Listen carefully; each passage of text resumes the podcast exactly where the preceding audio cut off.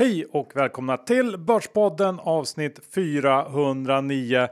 Vi har såklart vår huvudsponsor med oss. Det är ju Skilling, den svenskägda multi-asset tradingplattformen som satsat på säkerhet, snabbhet och enkelhet. Och den här veckan ska vi fortsätta att prata om ja, det man kallar för eh, social trading. Ja, det är en väldigt intressant grej det här att eh, nu kan man följa de bästa traderserna som finns på copy tradingplattformen. Så kan man ta rygg på dem automatiskt och på så sätt eh, tjäna en hacka. Ja, det är nämligen så att Skilling som alltid ligger i framkant när det gäller utveckling har tagit fram ett verktyg som heter C-copy. Det här är ett prisbelönt webbaserat system som integrerat med Skillings C-trader plattform och som möjliggör eh, att kunna kopiera helt enkelt tusentals strategier av eh, erfarna traders. En sak som är kul är ju att är man en erfaren trader så kan man eh, joina då team skilling kan man säga som en sån här eh, trader som andra tar rygg på och då tjäna eh, lite pengar på dem då som ryggar din strategi. Precis John. Och har man ännu inte öppnat ett konto hos Skilling så är det enkelt. Man gör det med BankID. Det är bara att ladda ner appen eller gå in på hemsidan. Men kom ihåg 69% av retailkunder förlorar pengar när de handlar sig efter er. Besök skilling.com för en fullständig ansvarsfri skrivning. Som det säger vi stort tack till Skilling. John. Ja, Johan Isaksson. Sådär bra, du är vaken. Den här veckan har vi träffat Gustav Hagman, Leo Vegas vd och medgrundare. Och vad har vi pratat om? Han berättade om hur spelmarknaden i stort ser ut. Vi pratar om USA, Kanada, eh, Europa, regleringar och såklart hans eh, lite numera legendariska fika med Ardalan Shekarabi. Precis. Väldigt spännande samtal som man absolut inte får missa. Vi är sponsrade av Dagens Industri och John, idag har vi två stycken pang erbjudanden att bjuda på. Ja, för Dagens Industri är ju faktiskt lite navet i svenskt näringsliv och en tidning man måste läsa för att hänga med på den svenska aktiemarknaden. Ja, vi har väl läst varje dag i säkert 15-20 år och kommer så att fortsätta göra. Och nu kan Börspoddens lyssnare också få möjlighet att göra det här billigare än normalt. För det är 50% rabatt på både DI digitalt och DI helg. Väljer man det digitalt, ja då får man som namnet antyder e-tidningen kvällen innan och allt innehåll på hemsidan. Eh, det här är då i 12 månader och kostar 200 kronor i månaden. Väljer man eh, det i helg, ja då får man förutom allt det digitala också tidningen i brevlådan fredagar och lördagar. Eh, två kanonerbjudanden. Det är helg, det är 315 kronor i månaden och det är digitalt är 200 kronor i månaden och som sagt 50% rabatt. Det är inte så mycket att fundera på igen. Nej, det här känner man ju igen på en endast eh, trade. Dessutom ganska skön sommarunderhållning och väldigt eh, bra och kul att kunna läsa de här låsta artiklarna. Ja, så det är bara att gå in på di.se Polspodden. Eh, där kan man läsa om bägge dessa erbjudanden. di.se Borspodden. Som det säger vi stort tack till Dagens Industri. Gustav Hagman, VD på Leo Vegas. Eh, återigen välkommen till Börspodden. Tack snälla, kul att få vara här idag. Berätta Spännande. lite, hur är läget eh, i stort? Jo då, nej men jag tycker väl att det är ganska bra. Vi, uh, vi har ju haft ett Q, en Q1 som ändå vi tycker levererar ganska bra. Ett antal starka länder som växer på fint och sådär. Och sen finns det utmaningar i några av våra större marknader och det känner ju alla till med uh, Sverige, restriktioner som förlängs och Tyskland är ju lite upp och ner hur lagstiftningen där kommer verka ut och sen har vi eh, UK som alltid förändrar förutsättningarna lite då och då. Men eh, overall så känns det bra. Vi har mycket, mycket bra grejer på gång i bolaget så det, det är kul. Ja, men det ska bli kul att höra mer om det ja, över klart. den här poddstunden. Eh, kan du inte börja med att berätta ditt fika med Shakarabi? Jo, ja, men det, det, var ju, ja, men det var så trevligt och vilken dag vi fick också. Så det säger du bara. Ja, ja, men, nej, men det, egentligen skulle vi gått, gått två veckor tidigare då, va? och ja, för er som inte har följt det så var det så att eh, Musikhjälpen, eh, de auktionerar ut eh, lite olika evenemang och Shekarabi då, Ardalan hade då skrivit och sagt att eh, nej men jag, jag, går en, en promenad, en skogspromenad. Eh, eh så att det var en del av Upplandsleden man fick gå. Så skulle man äta korv med honom, väldigt trevligt. Han bjöd på två, kanske tre olika sorters korvar. Eh, och eh, då så kunde man bjuda på den här och då så tog jag tillfället i akt och tänkte att här kan vi både då stödja ett, ett, ett ändamål som vi tycker är bra då, Musikhjälpen, och eh, sen också få en pratstund med Ardalan såklart. Vi var ju med en bit Så. där på budgivningen, men det var svårt att, att konkurrera. Ja, det var ni ja. Ja. Just det. Vi budade mot varandra.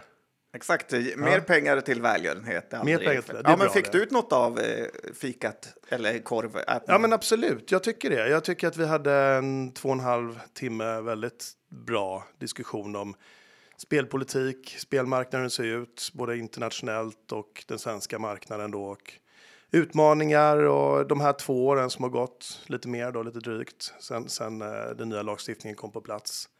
Licenssystemet menar jag då som, eh, som kom 1 januari 2019. Um, ehm, och vi pratade om hur vi kan förbättra, eh, alltså både allmänhetens syn på den här branschen, vilket vi båda tycker är väldigt viktigt.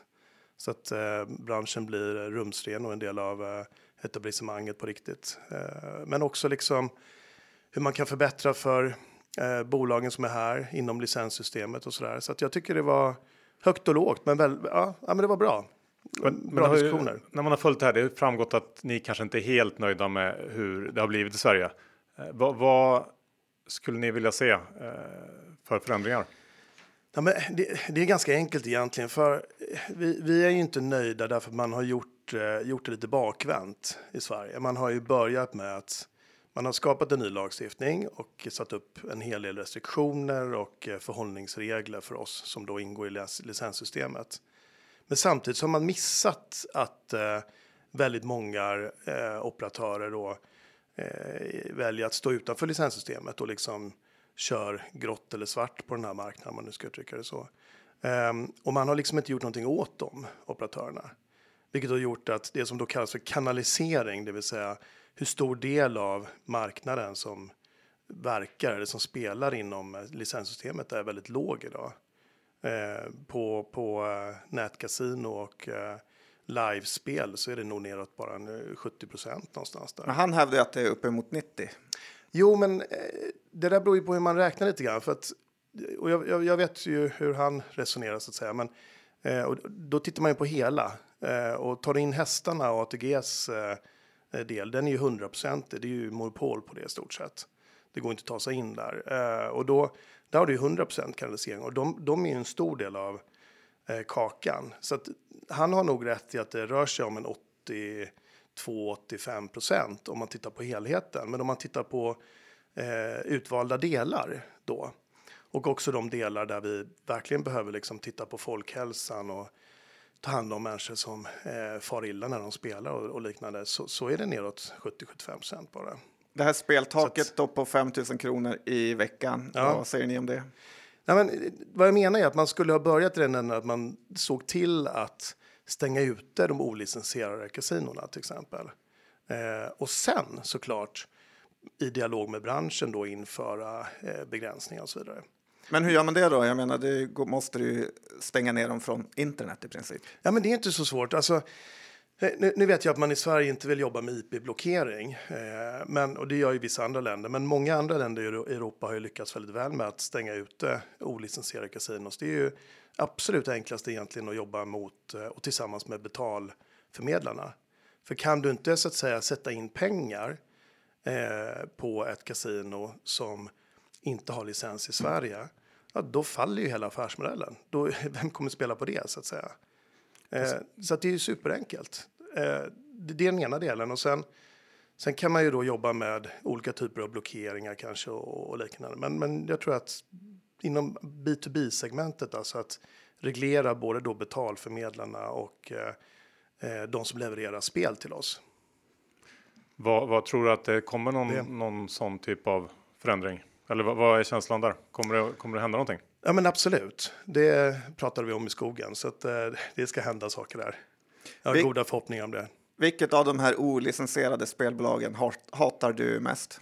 Nej, jag, jag, jag vill inte säga några namn så här, utan det, det är vad det handlar om är att det, det är rätt många eh, spelentreprenörer som kör sådana här olicensierade spelbolag nu för tiden och det, det, är, eh, det är bara beklagligt på det sättet så att säga. För att det främjar ju inte en bra marknad inom licenssystemet. Men var inte ni lite så innan regleringen infördes i Sverige om man eh, ska vara hård?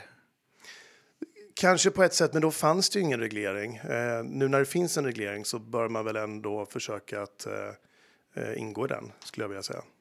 De, de här eh, tuffare begränsningarna då, som kom i och med pandemin, eh, de har ju bara förlängts och, och eh, nu är, kan man väl kanske hävda pandemin i stort sett över. Men jag vet inte, finns det en risk att det här, eh, det här hänger kvar, att man fortsätter att förlänga? Va, va?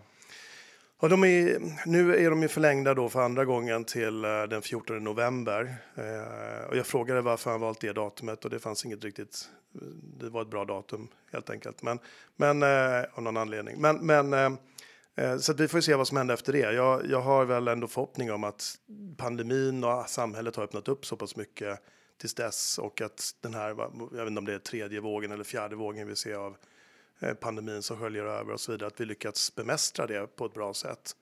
Eh, och då finns det inte heller några argument för att bibehålla restriktioner på spel i spelsektorn. Eh, så att förhoppningsvis så släpper det då.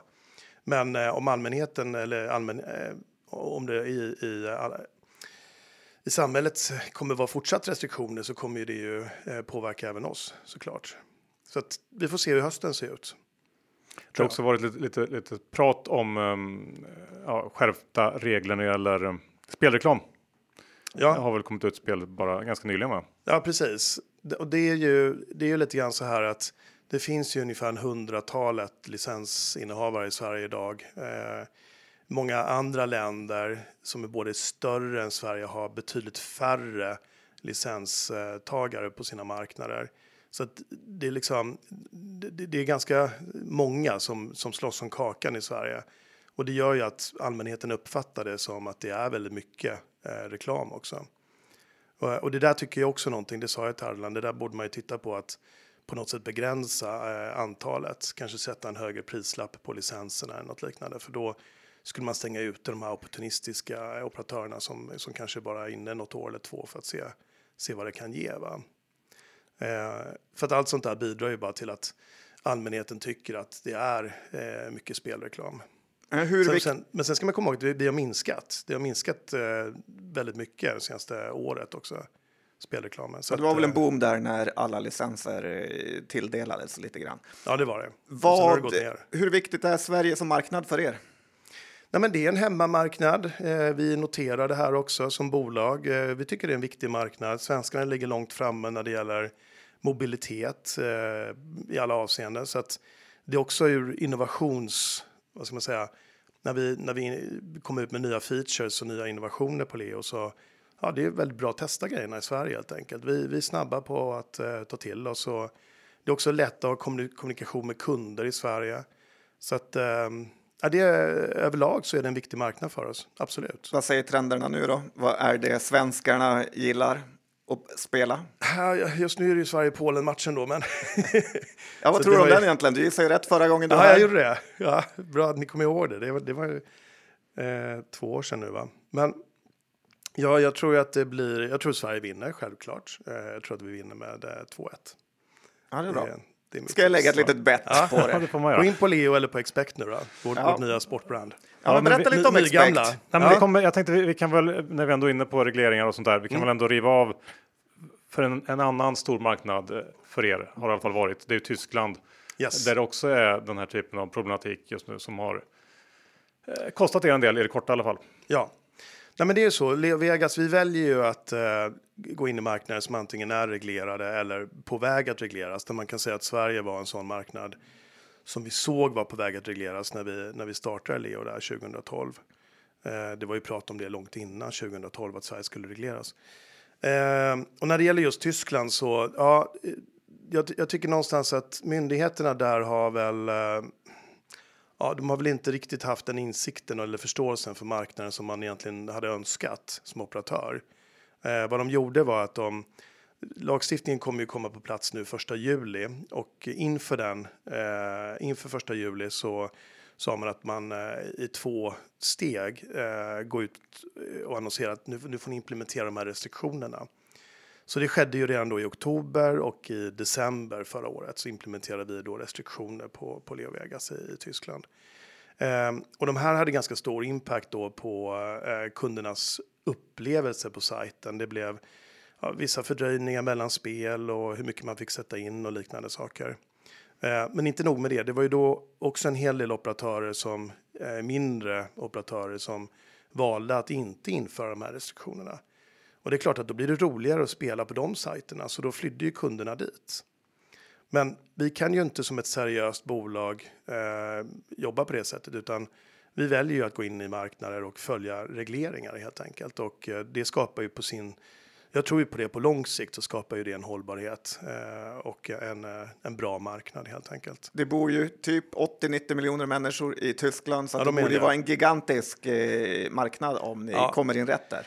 Gud ja, nej men eh, vi ska bli Tysklands mobilkasino också så att eh, det, det är bara att tugga på helt enkelt. Ta sig igenom den här fasen som är just nu och eh, sen så eh, kör vi på efter det helt enkelt. Men kommer inte förutsättningarna vara ganska tuff, tuffa även efter när allting det här är genomfört? Jo. Ja, men det kommer vara det. Det kommer vara eh, om ni minns i Sverige och tittade på siffrorna eh, första året så var ju det ner eh, efter regleringen. Eh, och nu kan man säga, nu har ju Tyskland då infört de här begränsningarna redan pre, före eh, första juli, så att jag tror att en stor del av det redan har hänt. Men men samtidigt så vi får se vad som händer. Det, på det positiva är ju att nu kommer man ju kunna börja göra reklam och, och liknande. Eh, så att det, det, är väl egentligen, ja, det finns ju både positiva och negativa delar. Tror ni, eh, tror ni tyskarna kommer att ha en annan approach mot de här gråa, svarta eh, operatörerna? Ja, det är ju en förhoppning att de kommer vara väsentligt mycket tuffare än de svenska myndigheterna har varit. Eh, som inte har gjort någonting eh, egentligen i, i Sverige, utan Eh, Eh, man har satt upp en svart lista i Sverige som man inte uppdaterat på 18 månader nu va? och det är ju eh, väldigt ja, beklagligt. Eh, medan i Tyskland så har man gjort så smart så att man lägger då tillsynen under den tyska skattemyndigheten och vem, vem 17 vill bryta mot tyska eh, tax authorities? Det, du vill inte ha dem efter dig liksom, som europeisk medborgare. Det, det tror jag blir väldigt tufft. Eh, så att, ja, min förhoppning är att fler kommer vara flera operatörer kommer att eh, ansluta sig till eh, licenssystemet i Tyskland och, och eh, där, därmed kommer man på sikt få en bättre kanalisering. Men i början kommer det vara eh, gungigt. För om jag kommer ihåg rätt så blev ju börsen ganska besviken. Alltså aktiekursen fick en rejäl dipp när ja. er rapport kom av hur mycket Tyskland påverkar er. Ja. Nej, men det är väl så. Man kan väl se det på två sätt. Det finns ju de som eh, klappar oss på axeln och säger att det här är jättebra, ni jobbar ju långsiktigt. Och sen finns det de som är kortsiktiga och som eh, ja, reagerar på det sättet. Så att det finns väl två olika syner på det hela. Men ska man se det som att, att smällen är tagen på något sätt i Tyskland och att ni har en ny låg nivå att jobba från? Eller tror du att det kommer att vara, ja, men kunna bli ännu lite sämre innan det blir bättre? Eller? Alltså Tyskland är på så pass låg nivå så att det är nog svårt att det ska bli. Ja, alltså, min förhoppning är att vi kan återhämta det eh, sakteligen, men, men det som man ändå ser just nu, styrkan i Leo är ett antal andra länder, stora länder. Ta Italien som man anser då är Europas, om det nu är ja, topp tre i varje fall, ihop med eh, England och Tyskland, eh, spelmarknad. Där växer vi som 17 och tar marknadsandelar. Vi tar pratar Spanien som går väldigt bra för oss. Kanada som är på väg att regleras. Eh, I varje fall i Ontario. Och, och, där kommer det bli en bra reglering. Vi, vi är eh, inbjudna som rådgivare så vi har suttit med då den eh, kanadensiska eller Ontarios Gaming Authorities då, eh, och diskuterat och visat och pekat på vad man gör bra i Europa och tar de lärdomarna till, till Kanada så att säga. Och, och där går det väldigt bra för oss också. Det, klubbade, säger... det klubbades igenom någonting igår eller förrgår eller ganska nyligen va? Eller? För Kanada? Ja, eller var det någonting annat jag såg kanske? Eh, ja, de har väl haft lite olika om det ska hända redan i Q4 eller Q1 nästa år. Jag, jag brukar säga Q1 för att okay. vara på den mm. säkra sidan. Men eh, ja, ja, men det rullar på bra för oss. Vi har ju Mats Sundin där som vår ambassadör, så det är superkul.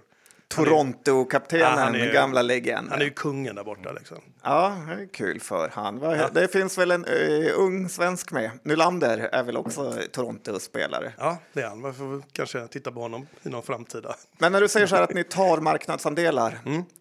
Uh, Innebär det att man tar från konkurrenter eller tar man från eh, offline-kasinon? Ja, men det där är ju såklart en, och jag förstår vart du vill komma. Det är nog en Just i Italien så är det en kombination. Såklart så har det ju varit positivt att de har stängt ner eh, de här 9-10 000 eh, offline-ställena som finns där. Ehm, och det har ju drivit så att säga en hel, ja, den lite äldre generationen online nu så att de har öppnat konton och så vidare. Och där kommer nog en del gå tillbaka, men många har ju lärt sig spela online nu under den här tiden.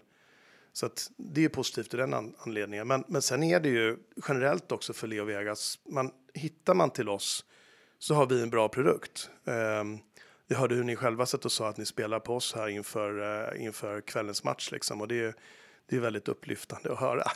Just på grund av produkten. Va? Att, att vi har en, en snabb, eh, och vi pratar alltid om eh, greatest custom experience eller greatest gaming experience. Det är liksom ledordet internt. Så att vi försöker hela tiden förbättra flödena i, i vår produkt. Och, jag tror att liksom, har italienarna hittat dit eller spanjorerna eller vad det nu är så man fastnar ju där man tycker att det fungerar bäst. Mm. Ja, men jag tänker, vad är skillnaden jämfört med andra online-kasinon lite där ni kan plocka andelar? Är det att eh, appen är enklare eller roligare? Ja, det är utbudet och det är eh, snabbheten i både insättningar, utbetalningar och i, i hela tjänsten så att säga, kundsupporten, allt, allt vi gör liksom, maskineriet. Mm. Det ska vara top notch. Vi måste ju prata lite USA med, tänker jag. Jag såg dig på, eh, tror det var hos Penser kanske, så sa du att eh, när man nu tänker eh, Las Vegas så ska amerikanerna istället tänka Leo Vegas. Eh, kan du stå för det? Absolut. Nej, men berätta, hur, för mig är det självklart. Okay. Nej, men hur, hur, går det där? Vi har ju hört det under så många år. När vi har varit över och gjort våra roadshows i, i, eh, i USA och träffat investerare och liknande så har ju alla alltid sagt att liksom well, you have a great name for the US. Och så står de där och, och så visar de, pekar de på att Leo, Lejonet och Vegas, eh, City of your dreams. Och, alltså de, de köper in sig på storyn fullt ut och tror liksom att och, och, och det här tror ju vi självklart, här, eh, självklart också. Vi tror ju att sökmässigt på, på Google och liknande så, så kommer det ju när folk söker på Vegas. Vi kommer ju komma upp långt upp liksom i, i träffarna där och Um, ja, King of Casino tror jag kommer funka väldigt bra för det amerikanska folket också. Uh, för det är ju den taglinen vi kör i, i många länder. Uh, så att, uh, ja, men det, det, känns superkul och vid den här tidpunkten nästa år så har vi ju öppnat upp och har fått in våra första kunder i, i New Jersey. Så att det, det är full fart i maskineriet att eh, få det här i hamn nu. Men halkar ni lite efter Kindred på något sätt? Eller för det känns som att de har fått mer cred för sin USA-satsning. Ja, de var ju tidigare, men de gick också med eh, en eh, tredjeparts teknikleverantör. Eh, och vi väljer att göra allting själva, på gott eller ont. På lång sikt så tror jag såklart att det är mycket bättre att styra ditt egna öde och ha din egna teknik. Jag vet, det är många som får upp ögonen för att vi har det nu också. Så att, ehm, och, och, man ser hur andra operatörer, kanske inte just då Kindred, eller jag kan inte uttala mig om dem, men har problem då med sina tredjepartsleverantörer. Eh, det här var ju något vi lärde oss redan då 2013, 14, 15 när vi valde att bygga vår egna plattform. Det är då den här Rhino-plattformen? Ja, mm. Rhino-plattformen. Så den, vad, vad, innehåller den egentligen? Vad, vad gör den? Om du ska förklara. Den, det kallas ju för PAM, då, Player Account Management eh, System då, liksom på, på den amerikanska marknaden pratar man om en PAM då, det är det vi har. Eh, det är en transaktionsmotor. Vi har ju byggt den i microservices, det är olika byggstenar som gör att den är väldigt snabb och kompatibel. Det första också spelmotorn som eh, portades upp i Google Cloud. Så allting ligger uppe i nätet, vilket gör också snabbheten kan ju tänka i konnektiviteten. Istället för att du har liksom servrar stående på sju platser runt om på jorden så ligger det ja, som ett moln runt alltihopa nu. Så det gör ju att snabbheten blir mycket, eh, mycket större. Ja, det går snabbare för oss helt enkelt. Att, är det här någonting ni, skulle kunna ta in externa eh, kunder på?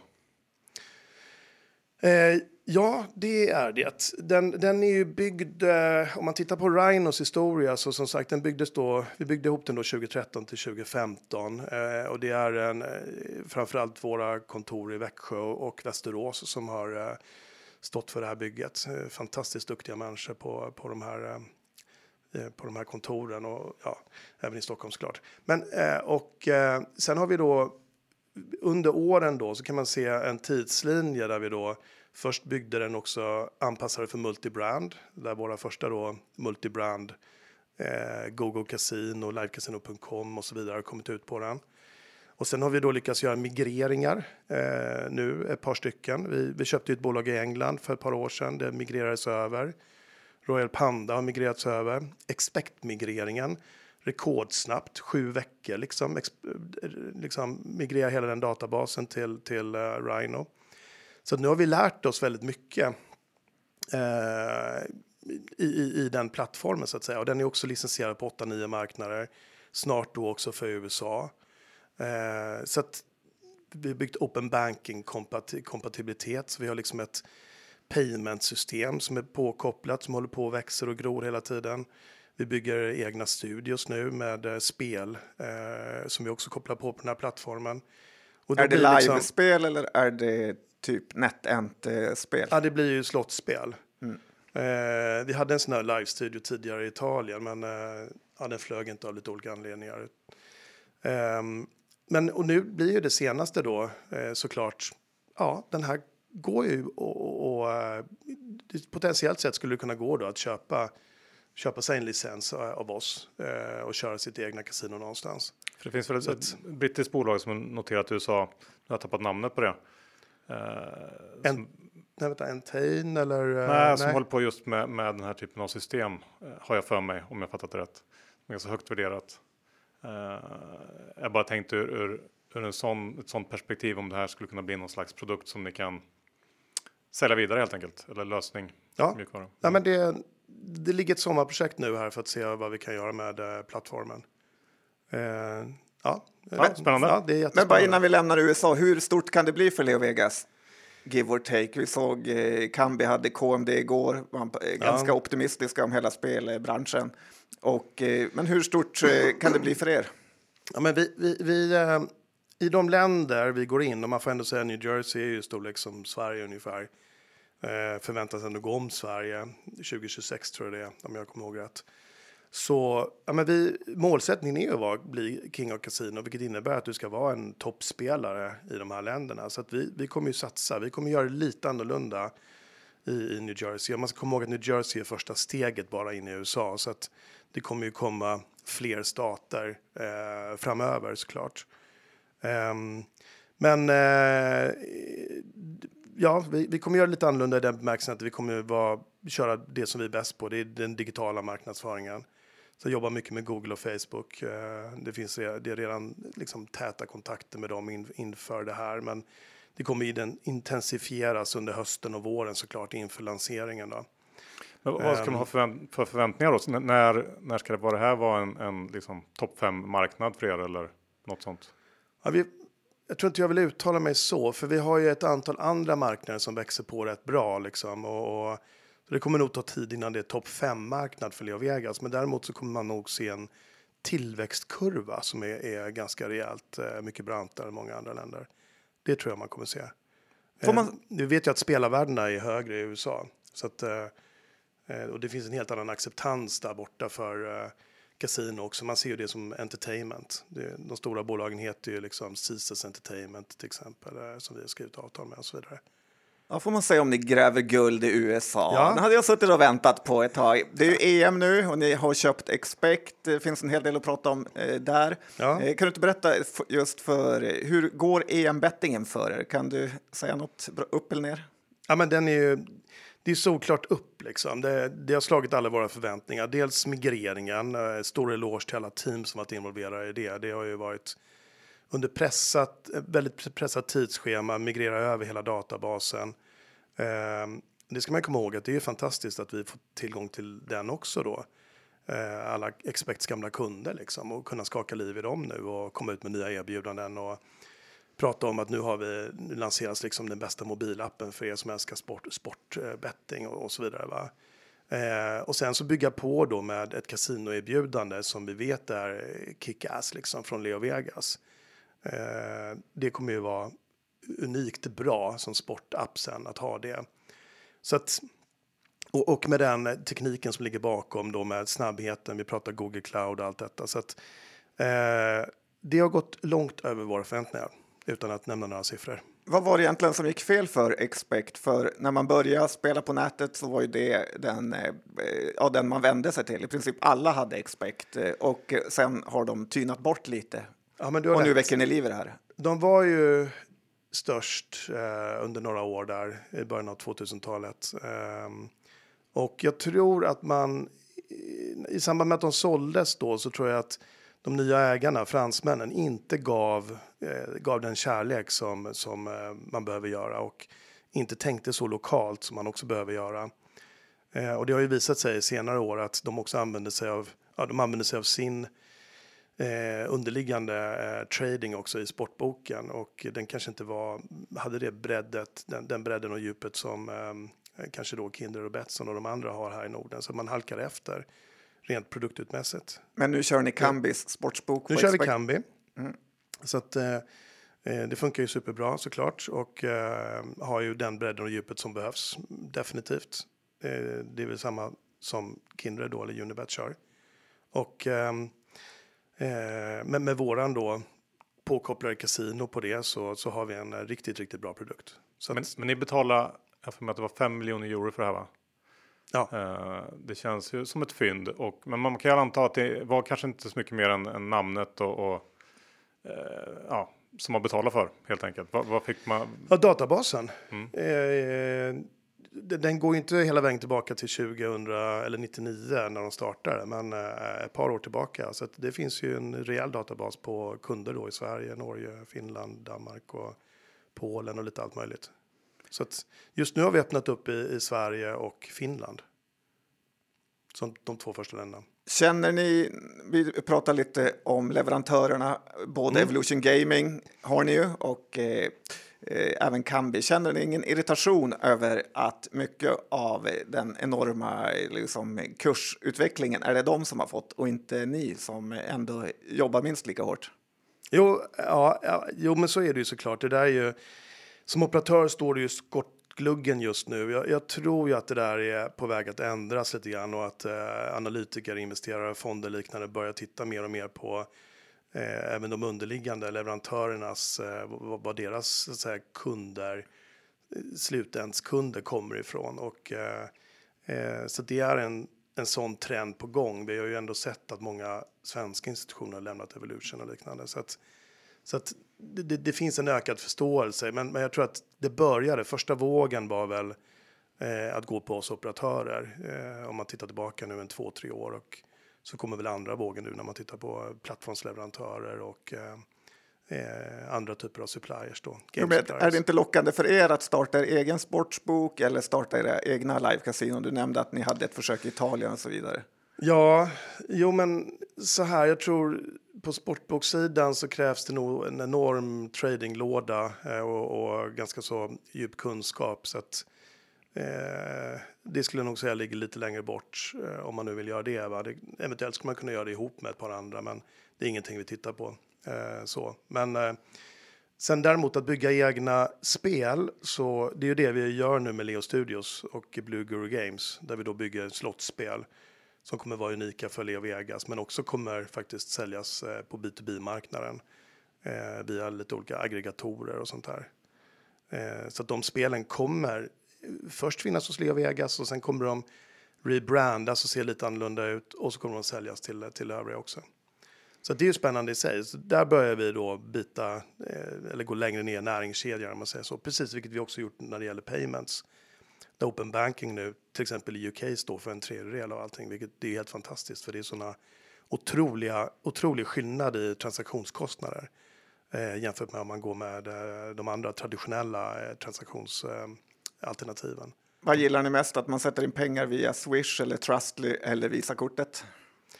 Eh, ja, men folk får välja att göra vad de vill på Leo Vegas. Det är ju liksom det som är tjusningen, att vi har bredden. Va? Men eh, eh, om man tittar på vad kunderna har valt så är det ju Swish i stor utsträckning på den svenska marknaden. Då. Jag har ofta tänkt att det, är enkla, det går fortare att ta ut pengar från eh, spelbolagen än det gör från eh, Avanza eller Nordnet. Det är ändå imponerande. Ja, men vi är ju duktiga på det här, betalningar. Ja, faktiskt. Ja. Så att, eh, det, och det är ju det är det jag menar med open banking i UK. Va? Det var vi först ut med nu i början av året och det har ju verkligen tagit fart. Liksom. Men på tal om UK, ni, det här jätteförvärvet av Royal Panda som mm. blev lite misslyckat. Ni sponsrar även Queens Park Rangers faktiskt. Mm. Och berätta lite om UK och Royal Panda. Ja, men, Royal Panda, vad vi gjort är egentligen, eh, vi fick stänga ett par marknader som vi Eh, när man tittade under huven där eh, såg var kanske inte de marknader som överensstämde med vår strategi riktigt. Eh, och sen så har vi ju lite självvalt också infört alla begränsningar som vi har gjort eh, på Leo Vegas i övrigt, även på Royal Panda. Så att, eh, man får säga så här, på lång sikt så, så kommer det här bli ett bra förvärv, men nu i det korta perspektivet så har det kanske inte varit det. Tittar man på vårt italienska förvärv däremot, som kostade oss en eh, 3-4, eller det kostar egentligen 6 miljoner euro, men sen har vi lyckats sälja delar av, av eh, den verksamheten, så någonstans runt 4 miljoner euro, så är det ju varit en helt fantastisk, ett helt fantastiskt förvärv. Eh, det är det som är Leo Vegas Italy idag. Så att eh, det är så här, det är mycket lärdom kring, kring de grejer vi har gjort. Eh, så att eh, jag tror så här, de här, vi är nog bättre på att göra lite mindre förvärv än de här större. Eh, i form av Royal Panda och eh, Rocket X som det här eh, UK-bolaget hette. Hur tittar ni på några fler förvärv nu? Man har ju hört att Mr Green och sånt är till salu. Ja, men det bubblar otroligt mycket i marknaden. Det är ju Eh, superkul just nu och, och det, det, regnar in grejer och det regnar grejer på oss, alltså större som tittar och det, det är liksom upp och ner hela tiden. Att ni är under det, uppköp eller? Var... Ah, nej, nej, nej så, så, ska vi inte säga, men, men det, det, har hänt någonting de senaste månaderna i marknaden och amerikanarna har ju vaknat på ett nytt sätt också, så att det, det är lite kul. Det finns inte så många europeiska assets kvar med egen teknik heller där ute, så att Eh, någonstans så blir ju Leo Vegas bara mer och mer värdefullt. Det blir en liten juvel liksom, eh, vart tiden lider. Så det är bara att slipa på det här bolaget. Hur har du gjort det med ditt eget aktieinnehav? Ja, tittar man på mig de senaste åren så har jag ju köpt fler aktier. Tre tillfällen. Mm, bra. Så att, John var så snabb förbi de här Blue Guru Games och även Open Banking. Men för jag funderar på Blue Guru Games. Är det ett sätt för er att eh, bli mer liksom, unika och ha någonting som andra inte har? Eller är det mer ett sätt att tjäna mer pengar? Vad, vad är viktigast? Ja, men, vi, vi, brukar ju utgå ifrån att bygger man ett bra bolag så kommer liksom eh, pengarna och de kommersiella delarna. Eh, det, det, kommer så att säga. Men så att här handlar det mycket om att lära sig mer om kunden. För att när vi sitter på datan eh, i spelet också om kunderna så kan vi bygga ännu bättre spel riktade till just våra kunder. Eh, för vi vet ju vad våra kunder vill ha på Leo. Eh, så det är en sak i det hela. Men sen är det ju givetvis det du är inne på. Det är ju en, ta en större del av näringskedjan. Eh, idag går det ju ja, nästan double digits numbers då till, till uh, spelleverantörerna då i former av revshare eller kostnader. Va? Så det, det, det, är ju viktigt för oss att behålla en större del av näringskedjan, vilket i slutändan då bidrar till en bättre marginal för Leo Vegas. Eller pengar vi kan lägga på marknadsföring för att expandera i andra länder. Eller vad det nu inte, just, inte den typen av spel väldigt, eh, väldigt liksom crowded den branschen. Det finns väldigt många som utvecklar eh, slottar och, och Ja, det gör ju det nu för tiden. Om man, om man tittar liksom på, om man backar sen 5-10 år eh, så, så var det ett, ett antal stora, lite färre då speltillverkare. Men ifrån, de har ynglat av sig kan man säga. Det är middle management och liknande som, som liksom har sett att ja, här går det att tjäna pengar som har startat egna studios. Eh, så att det finns en uppsjö av studios där ute och det här gör ju att för att vad vi kommer välja att göra med Blue Guru, det är inte bara bygga helt egna spel, utan det är också att kreera IP-rättigheter, det vill säga vi, om vi vet att vi har eh, folk vill spela på bilspel säger vi liksom. Ja, men då kan vi bygga två egna bilspel. Då. Eh, och då kan vi antingen göra det i vår studio eller så äger vi rättigheterna så går vi ut och shoppar hos ett antal andra då, mindre studios. Så får de bygga det åt oss, sen tar vi in det och så har vi köpt loss spelen så att det blir vårat. Eh, och, och, på så sätt så kan man idag bygga sin eh, bulk av spel. Mm. Och jag såg att de första spelen eh, kommer förhoppningsvis ut här i slutet av, av året. Är det ja. fortsatt så? ja, plan? det är precis lite innan jul där. Mm. Har du några andra roliga yeah. marknader? Indien var det någon som sa att ni har mycket eh, på. Stämmer det? Nej, det gör inte det. det, det vi hade en del i Indien tidigare, eh, men har av lite olika skäl också. Det, det har börjat bli lite reglerings eh, i vissa stater där borta så att vi avvaktar vad som händer i dem och det betyder att man drar sig ur under då en period. Um, I det segmentet som kallas för Rest of World så är det mest Kanada och det är uh, Nya Zeeland som uh, tuggar på rätt bra nu också. Mm, ja. Så ja, det är ja. många. Jag, jag, jag, vill också återkomma till det med open banking. John är så fruktansvärt snabb på att dra vidare. Men, du är liksom undrar... ensam i Sverige med att vara hundraprocentigt intresserad av open banking. Nej, men för att man har ju förstått att det kostar extremt mycket att använda sig av till exempel eh, ja, alla de här betalningsleverantörerna. Kan ja. du inte förklara mer vad innebär? Är det här alltså att man egentligen kopplar upp sig direkt mot, mot kundernas bankkonton i princip? Eller hur, hur liksom funkar en sån här lösning? Ja, men, eh, inom EU så kom det ett nytt direktiv eh, för ett par år sedan att, som, som sa att bankerna måste öppna upp sina API för konto till konto betalningar både för företag och privatpersoner. Då. Och det här gjorde ju då att en uppsjö av fintechbolag började bygga som man kallar det för, en, eh, docka in i de här API för att sen tillhandahålla det till, till olika bolag då som skulle vilja nyttja den här tjänsten då med snabba konto till konto betalningar. Eh, och eh, Open banking, man kan säga så här, varför vi valde UK, eh, dels har det att göra med att bankerna där har varit snabba på att öppna upp, eh, men också att där hade vi ganska höga transaktionsavgifter. Eh, I och med bytet till Swish i Sverige så har vi fått ner transaktionsavgifterna ganska så väsentligt i Sverige jämfört med vad vi hade tidigare. Eh, för Leo Vegas har ju en direkt integration med Swish, en egen då så att säga. Och, eh, Ehm, så nu valde vi UK och eh, började bygga de här ehm, kopplingarna ihop med det här andra företaget som, som i sin tur hade ja, API-kopplingen mot banken. Eh, och idag så tillhandahåller vi, ja, du brukar visa, eh, jag har en video på hur det brukar se ut liksom när vi visar upp det för folk som vill se. Men det, det är liksom ett, alla, alla de största bankerna i UK och du, du känner en trygghet i det och det är direktbetalning och det går otroligt snabbt rakt in på ditt konto liksom. Och vad är skillnaden så, i, i kostnad för er då, jämför med ja, den är otrolig. Trustly eller någonting annat? Ja, otrolig skillnad. Mm. Någonstans runt en sjättedel i transaktionskostnad.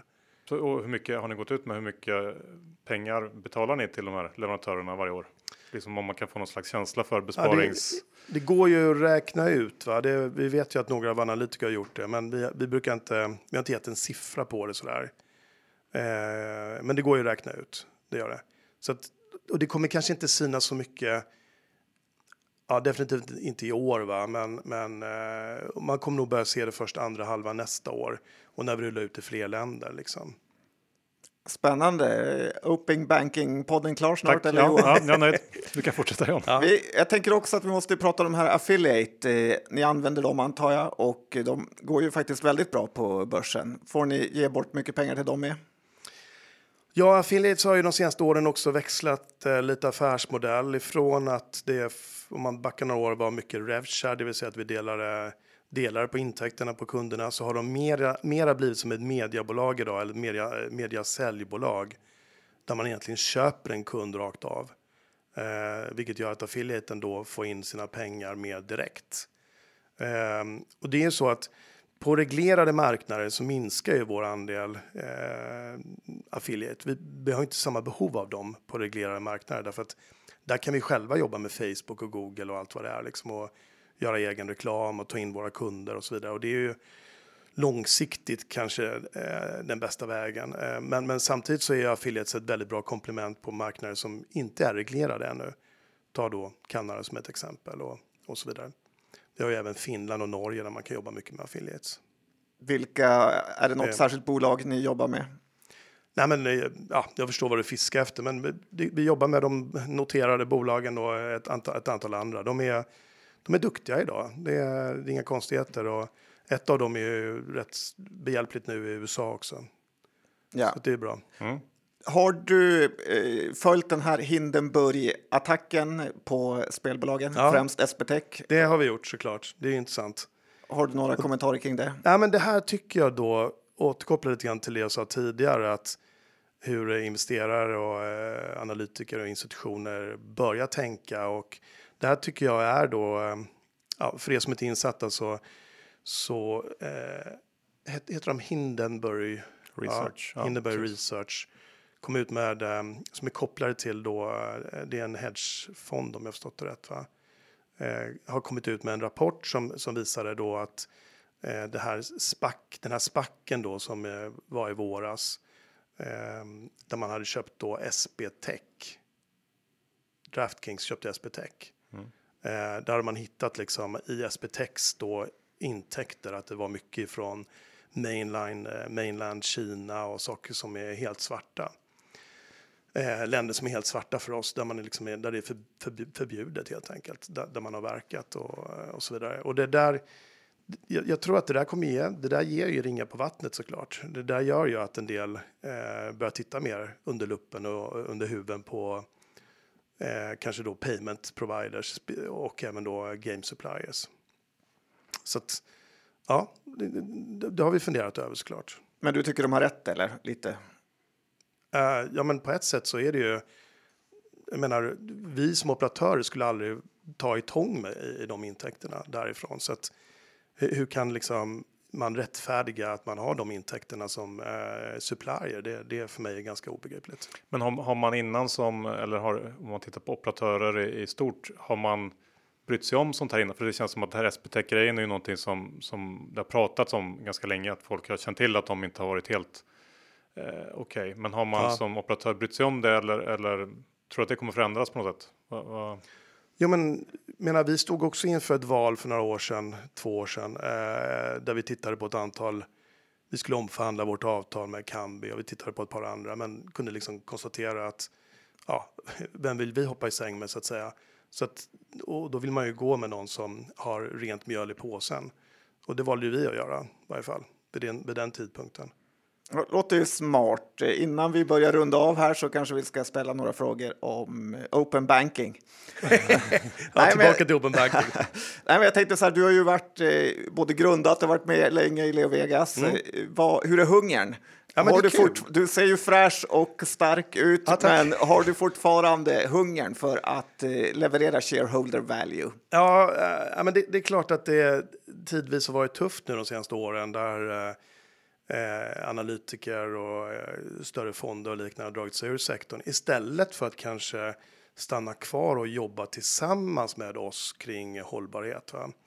Men, men eh, fastän jag tycker den här är en otroligt dynamisk, rolig eh, sektor att vara i. Och, som sagt, nu, vi expanderar in i USA. Det är ju en extremt stor milstolpe för oss och det ska bli sjukt spännande rent ut sagt att se hur varumärket Leo Vegas tas, tas emot eh, på den amerikanska marknaden. Och Sen bubblar det i många av våra andra befintliga marknader. Det är ju Tweaks som håller på liksom att navigera rätt väg här i Sverige och samma sak i England och i Tyskland nu och se till att växa de andra stora då, Italien, Spanien, Kanada och så vidare. Så det är väldigt mycket som händer, både i termer av att expandera in i nya marknader, men också dig where you stand som jag pratar mycket om internt. Gräva där vi står, liksom förbättra produkten, förbättra erbjudandet och, och liksom individualisera och personalisera vårt erbjudande till våra kunder. Så att, eh, och nu då med ja, Expect också så har vi liksom ett nytt stort, potentiellt sett stort eh, sportvarumärke i, i gruppen. Så att det gör det ju också lite extra spännande. Det har fått lite ny krydda i bolaget. Hur har det varit att vara eh, börs för ett bolag som har under coronapandemin som har verksamhet i alla olika länder? Du har ju inte kunnat härja runt på samma sätt Nej, antar jag. Jag var faktiskt nere på eh, Malta och besökte Malta-kontoret eh, för två veckor sedan och det var första gången på 15 månader. Jag var där mars förra året. Eh, Hade de skött sig när toppbossen var borta? Ja, ja, absolut. Det har fungerat väldigt bra. Men, men det var en liten tår i ögat när man landade och flög ner där. 17, man, man kände liksom nu kan man börja resa igen och det här ska bli kul och energin liksom och så vidare. Men jag, jag vill ju nu um, ja, få tillbaka så många som möjligt. Uh, ja, back on track, liksom back to normal eller man ska uttrycka det. Så att uh, det börjar snurra ordentligt igen. Så är det ju. Ja, men det var ju trevligt att höra och eh, vi brukar ju nu när det öppnar upp, har du något eh, spännande resemål att ge? Eh, eh, folket där ute som ändå börjar bli ganska resugna? Nej, men vadå? Nu kommer ju en sommar här. Det är väl. Man ska väl. Jag vet inte. Jag, jag kan inte ge några rekommendationer. Det kanske blir jättekonstigt, men jag vet Sverige. Om man ska vara lite diplomatisk. Ett safe bet. Safe bet. Ja. Men det går väl alltid att resa. Man får väl kolla på vad som fungerar. Men eh, Italien, Spanien och så vidare. Det är väl eh, runt Medelhavet svenskarna kommer hålla sig tror jag. Mm. Den här sommaren. En sista grej bara som jag funderar på. Det här med, med, med utdelning versus återköp. Ni har gjort både och här i år. Hur, eh, varför inte köpa tillbaka ännu mer aktier eh, nu när aktien ändå är ganska billig inom situationstecken? Ja, ja, verkligen så. Men, eh, det, ja, men det är väl alltid ett, eh, lite grann ett, eh, en balans mellan utdelning, återköp och ha lite grann i kassa för om man eventuellt vill göra något kul på marknaden. Va? Så att jag tror att vi eh, både sparar i ladorna och eh, delar ut lite grann och eh, åt, gör lite återköp också. Jag, tror, jag tycker vi har en bra balans på det för tillfället. Så att, eh, Bra. får man dra sina egna slutsatser. Bra John, då eh, får vi helt enkelt ta och tacka Gustav och eh, Ja, Inga fler open banking-frågor. jag Kommer efter kommer mail Kommer sen. sen. Ja. Bra. Bra. Tack snälla. Härlig morgon. Tack. Slut på avsnitt 409. Eh, vi säger stort tack till Gustav som kom hit. Spännande, spännande. Och vi säger såklart stort tack till vår huvudsponsor Skilling. Nu är det sommar. Då är det lite tjänstefel att inte ha Skilling-appen installerad och redo för eventuella händelser. Ja, och kul det här med att man kan följa andra traders och deras strategier. Precis. Men kom ihåg 69 av retailkunder förlorar pengar när de handlar CFD. Besök skilling.com för en fullständig ansvarsfri skrivning. John, hur är det med innehav den här veckan? Det finns bara ett innehav att prata om. Leo Vegas. Äger du några? Nej, faktiskt inte, men man blev lite småsugen när Ja. han pitchade så här bra. Ja, samma här. Har inga, men ja, vi får se vad som händer. Med det John, så säger vi ju hej då eh, och stort tack för att ni lyssnade även den här veckan. Det är såklart vi gör. Hej då!